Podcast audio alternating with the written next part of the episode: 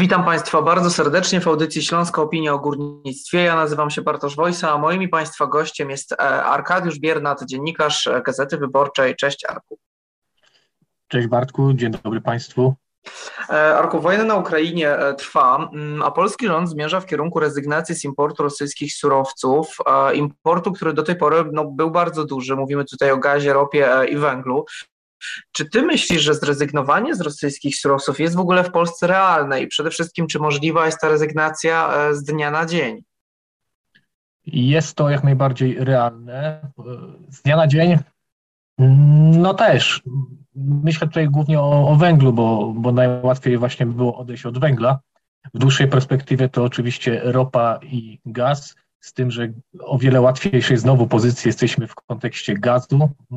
Tutaj myślę, że z końcem roku e, około 10 miliardów metrów sześciennych przepustowość Baltic Pipe, czyli tego połączenia ze złożami norweskimi gazu, e, pokryje to zapotrzebowanie i zastąpi gaz rosyjski, który w 2021 roku no niecałe 10 miliardów metrów sześciennych e, płynęło ze wschodu do Polski, jeśli chodzi o błękitne paliwo. Ropa, ropa też pozwala przepustowość naftoportu w Gdańsku. To oczywiście bardziej skomplikowana kwestia, bo, bo tak naprawdę nie mamy żadnych e, rurociągów, chociażby z południem, żebyśmy mogli z tych krajów jakby to cieplejszych, z Dalekiego Wschodu e, importować ropę. Tutaj oczywiście chodzi o, o tranzyt, e, transport morski, co oczywiście zapewne też odbije się na cenach. Tutaj nie ma, nie ma dwóch zdań. Mhm. No właśnie, ale no dziś już Polska w zasadzie nie czeka na Unię Europejską, próbuje wprowadzić krajowy zakaz importu e, węgla z Rosji. Rada Ministrów przyjęła już nawet projekt uchwały w tej sprawie. Czy to jest słuszna droga mimo ryzyka kar ze strony Trybunału Sprawiedliwości Unii Europejskiej? No bo w teorii to nie my powinniśmy takie przepisy ustanawiać. No, z, z, dwóch stron by trzeba było na to spojrzeć. Oczywiście yy, trzeba, należy tutaj pochwalić, że chcemy w końcu porzucić, nie chcemy, ale w końcu to zrobimy, bo chcemy, planujemy, to, to słyszymy od, od wielu lat, na przykład w kontekście chociażby rosyjskiego węgla, ale no, trzeba ten krok, należy ten krok postawić. No i tutaj pytanie, no właśnie, czy, czy nie popełnimy błędu, bo wiadomo, lepiej sankcje, bo polityka e, europejska, sankcje to są kompetencje Unii Europejskiej. No i wypadałoby, żebyśmy tutaj się porozumieli z wszystkimi krajami. No też jako, jako Unia Europejska jest mocniejszym graczem niż, niż Polska, nie? I ewentualnie też kwestie e, importu z różnych kierunków surowców też korzystniejszej sytuacji raczej by była Unia Europejska niż pojedyncze kraje, mhm. no ale wiadomo, że tutaj nie ma jeszcze konsensusu, no chociażby Niemcy, y, Węgry y, z różnych y, przyczyn, no nie są w stanie, jakby nie chcą, ale też przede wszystkim pewnie nie są w stanie z dnia na dzień porzucić rosyjskiego gazu, ropy. Mm, no, no węgla to, to, to raczej tylko Niemcy, a oni też już mocno nastawiają się, że w połowie, bodajże do połowy roku już będą w stanie zmienić kierunki dostaw. E, czy CUE odegra jakąś znaczącą rolę europejskie sądy? No, mi się wydaje, że mimo, że jesteśmy krajami jak najbardziej praworządnymi, jeśli chodzi o cały Zachód, Unię Europejską, to jednak y, znajdą się takie przepisy, które jednak odrzucą te, te wszelkie ewentualne roszczenia y, wschodniego sąsiada. No, wiadomo, w kontekście chociażby bezpieczeństwa energetycznego i bezpieczeństwa samych państw i samej Unii Europejskiej. Tak, mhm. ja bym to, tak ja bym to widział, ale oczywiście możemy się e, zdziwić i, i, i zobaczyć całkiem inny scenariusz, chociaż ja to nie wierzę. Rzecznik rządu mówi, że no Polska chce wprowadzić te przepisy, bo już nie może czekać na decyzję Unii Europejskiej, która e, trwa, jest podejmowana zbyt e, długo. No a kopalnia Turów pokazała, że chyba kar CUE się nie boimy. No to też racja. Znaczy z tymi, y, jeśli chodzi o wypowiedzi polityków polskiego rządu o relacje z Unią Europejską, no to wiadomo, trzeba to też y, y, z większego dystansu spojrzeć, no bo z jednej strony tutaj spoglądamy na Unię Europejską i czekamy do ostatniego momentu, kiedy możemy zakręcić ten kurek, znaczy no zakręcić to może Rosja, ale kiedy my możemy zaprzestać importu tego gazu, ropy, węgla, a z drugiej strony nie mamy problemu chociażby w kwestiach takich jak na przykład praworządność, kiedy potrafimy no, praktycznie no, niczego nie konsultować z Unią Europejską, yy, więc, więc tutaj bym akurat z dużym dystansem podchodził do tych relacji z Unią Europejską. No rzeczywiście wiadomo, tak jak już wcześniej wspomniałem, jest problem, no bo, no bo, no bo kraje przez lata doprowadziły kraje zachodniej Europy do tego, że po prostu się uz, uz, uzależniły od rosyjskich surowców. No i teraz mhm. jednak też potrzeba trochę więcej czasu, żeby po prostu ten proces odwrócić. No, nie może, no, trudno się spodziewać, żeby Niemcy powiedzieli z dnia na dzień, e, dzisiaj od 1 kwietnia nie chcemy e, rosyjskiej ropy, nie, nie będziemy przyjmować, no przecież no, stanęłaby gospodarka, ceny by generalnie zapłaciłoby społeczeństwo za to. Mm, także ten proces będzie na pewno długofalowy, jeśli chodzi o naszych zachodnich sąsiadów, y, czy chociażby też Węgrów, y, którzy nie mają dostępu do morza, więc też nie mogą sobie pozwolić na przecież, tak jak my, wybudowanie y, gazoportu LNG i, i sprowadzanie tych statków, czy tam z Kataru, czy z, ze Stanów Zjednoczonych. Mhm. Mm.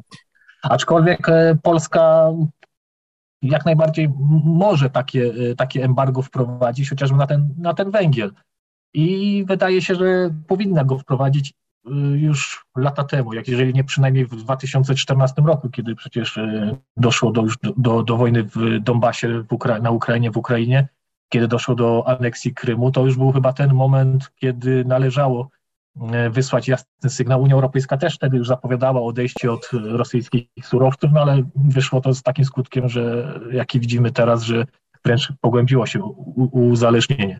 Tym bardziej, że Mhm, no słucham. No właśnie to, o czym mówisz, bo związkowcy od lat przecież wskazywali na problem wysokiego importu rosyjskiego węgla do Polski. No, te słynne e, hałdy e, i tam zalegający węgiel przed kopalniami, który nie był wykorzystywany. I może to takie naiwne pytanie, ale jak myślisz, czemu wcześniej e, nie ukrócono tego procederu? Czy potrzebne były tak tragiczne wydarzenia jak wojna w Ukrainie, byśmy przejrzeli na oczy? No myślę, że co to mogło mieć decydujący wpływ? No chyba rachunek ekonomiczny, tak?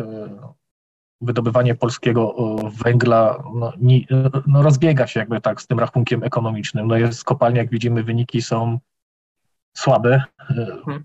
w kontekście polskiej grupy górniczej, a węgiel rosyjski bardzo dobrej jakości jest po prostu o wiele, o wiele tańszy.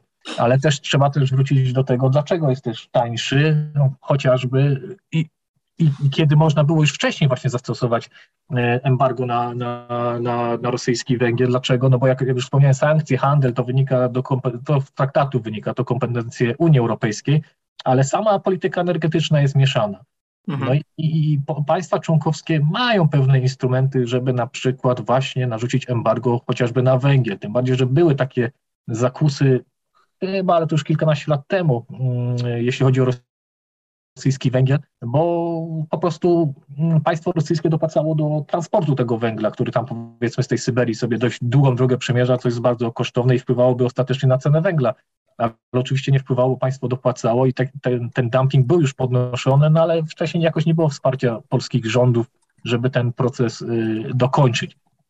I właśnie, ale pojawiła się też druga ta sytuacja, druga szansa na to embargo na węgiel, no właśnie od tego 2014 roku, no Ukraina jest naszym wschodnim sąsiadem mm, i, i no, społeczeństwo nasze myśli, że mm, zdaje sobie mm, sprawę y, z tego, że nie zdaje sobie z tego sprawy, że ta wojna nie toczy się od 24 lutego 2020 roku, kiedy to wojska rosyjskie przekroczyły granicę praktycznie chyba z trzech kierunków, tak, jakby tak spojrzeć, jeżeli wliczyć to jeszcze kierunek morski a toczy się właśnie od tego 2014 roku wkroczenia do mm, tych y, tak zwanych republik już ługańskich, y, Donieckiej, no i zajęcia anektowania samego Krymu, czyli ta wojna trwa już, tak dobrze liczę, 8 lat.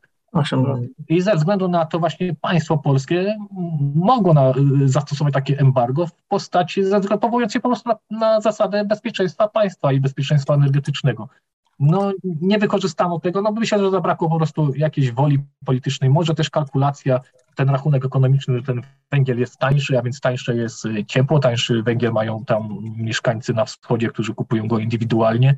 Wiadomo, jakby było drożej, no to spotka się tu też pewnie z, z jakimiś nastrojami nie zawsze y, sprzyjającymi, jakby to powiedzieć, polityką aktualnej partii rządzącej, no i gdzieś ta kalkulacja i tych chęci przy tej kalkulacji tych chęci niestety zabrakło. Mhm. Ale czy teraz w obliczu tej nowej e, sytuacji geopolitycznej polskie kopalnie e, dostaną drugie życie? No związkowcy już dziś wróżą, że być może tak właśnie będzie.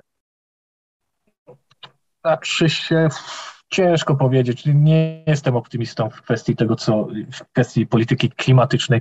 No energia, ze względu na chociażby system ETS, energia elektryczna z węgla jest droga, coraz droższa. No może nie jest najdroższa, tak? Jest dalej konkurencyjna, jeśli spojrzymy na, na cenę energii u zachodnich sąsiadów, ale ona będzie po prostu ta cena szła do góry.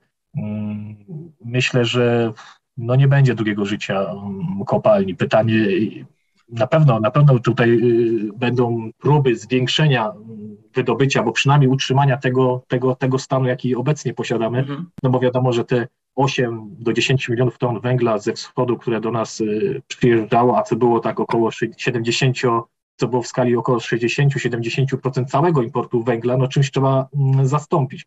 E, I wiadomo, tutaj będziemy, tutaj już są zapowiedzi rządu, że krajowa produkcja e, część uzupełni, ale to, to, to, to nie da się tego z dnia na dzień na pewno zrobić. Tam gdzieś Polska Grupa Górnicza już zapowiedziała, że jest w stanie krótkoterminowym okresie, tak powiedzmy rocznym, być może około miliona, półtora miliona ton wydobyć, ale kilka milionów ton zwiększyć, to już się tak nie da bez większych nakładów inwestycyjnych, a to skoro też wiele, wiele lat, żeby odbudować te zdolności produkcyjne. Mhm. Też Stąd też jeszcze y, dokończę. Wiadomo, będą kierunki, węgiel będzie napływał nam pewnie z kierunków tam Ameryki Południowej, być może Kolumbia, być może Afryka, być może coś ze Stanów Zjednoczonych i pewnie tak te, te 8-10 milionów ton uzupełnimy. Pytałem o to w kontekście mm, tych e, hucznych zapowiedzi strony społecznej e, dotyczących e, zmian w górniczej umowie społecznej. Ostatnio gościł u mnie Dominik Kosz, przewodniczący Śląsko-Nobrowskiej Solidarności, który powiedział, że no, każdy aspekt tej umowy, zmiana każdego aspektu jest możliwa, choć oczywiście nie chciał przesądzać szczegółów. Myślę, że te zmiany mogą też dotyczyć harmonogramu zamykania kopalń, że na przykład związkowcy będą chcieli e, wydłużyć ten okres, żeby właśnie mm, spowolnić to odejście od krajowego węgla? To, że związkowcy, środowisko z branży górniczej będzie chciało przynajmniej wydłużyć y, żywotność y, kopalń, to, to pewne.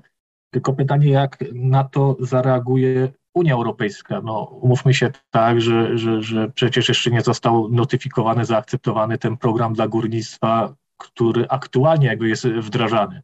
I, mhm. I, nie wiemy, jak, jaka jest jego przyszłość, czy, czy Unia Europejska po prostu zgodzi się na dopłacanie do produkcji węgla, bo to jest przecież ten najważniejszy jakby czynnik tej umowy społecznej, bo kopalnie są pod kreską i one będą pod kreską. Tutaj raczej niewiele się, się zmieni. Mm, I, i pytanie, czy, czy pytanie należy postawić, czy Unia Europejska zgodzi się na dopłaty do produkcji węgla i czy zgodzi się na jeszcze wydłużenie i, i, tego procesu mm, i, wsparcia z, z pieniędzy państwowych produkcji tego surowca? Wątpię. Wątpię, e, tym bardziej, że tutaj już zapowiedzi Franza Timmermansa, tak, odpowiadającego za politykę klimatyczną, jest, są takie, że owszem, gdzieś tam pewne możliwe przejściowe elementy przejścia na gaz, czy, czy utrzymanie jakiegoś stopniu energii z węgla są możliwe, ale nie wykraczające poza poza te cele tak w długoterminowej perspektywie, więc y, tutaj nie ma mowy o tym, że nie wiem, pozwalamy teraz budować kolejne kopalnie państwo, pozwalamy e, budować e, elektrownie węglowe, bo tutaj też trzeba oddzielić dwie sprawy. No, Unia Europejska w sumie nie zabrania nam e, produkować węgla. No, i problem jest po prostu rentowność tych zakładów i to, że państwo polskie musi do nich dopłacać, tak?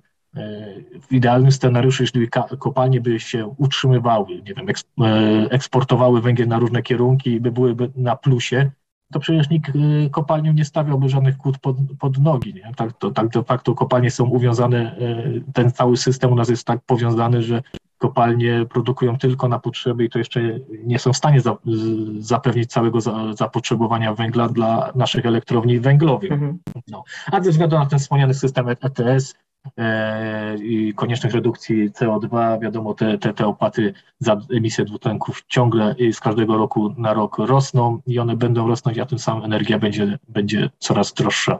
I nieopłacalna z węgla. Mhm. No, aktywiści klimatyczni z drugiej strony mówią, no musimy odejść od paliw kopalnych jak najszybciej i postawmy na odnawialne źródła energii. Dominik Kolsz z kolei mówił, że może alternatywną powinna być elektrownia atomowa, ale do tego w Polsce jeszcze długa droga.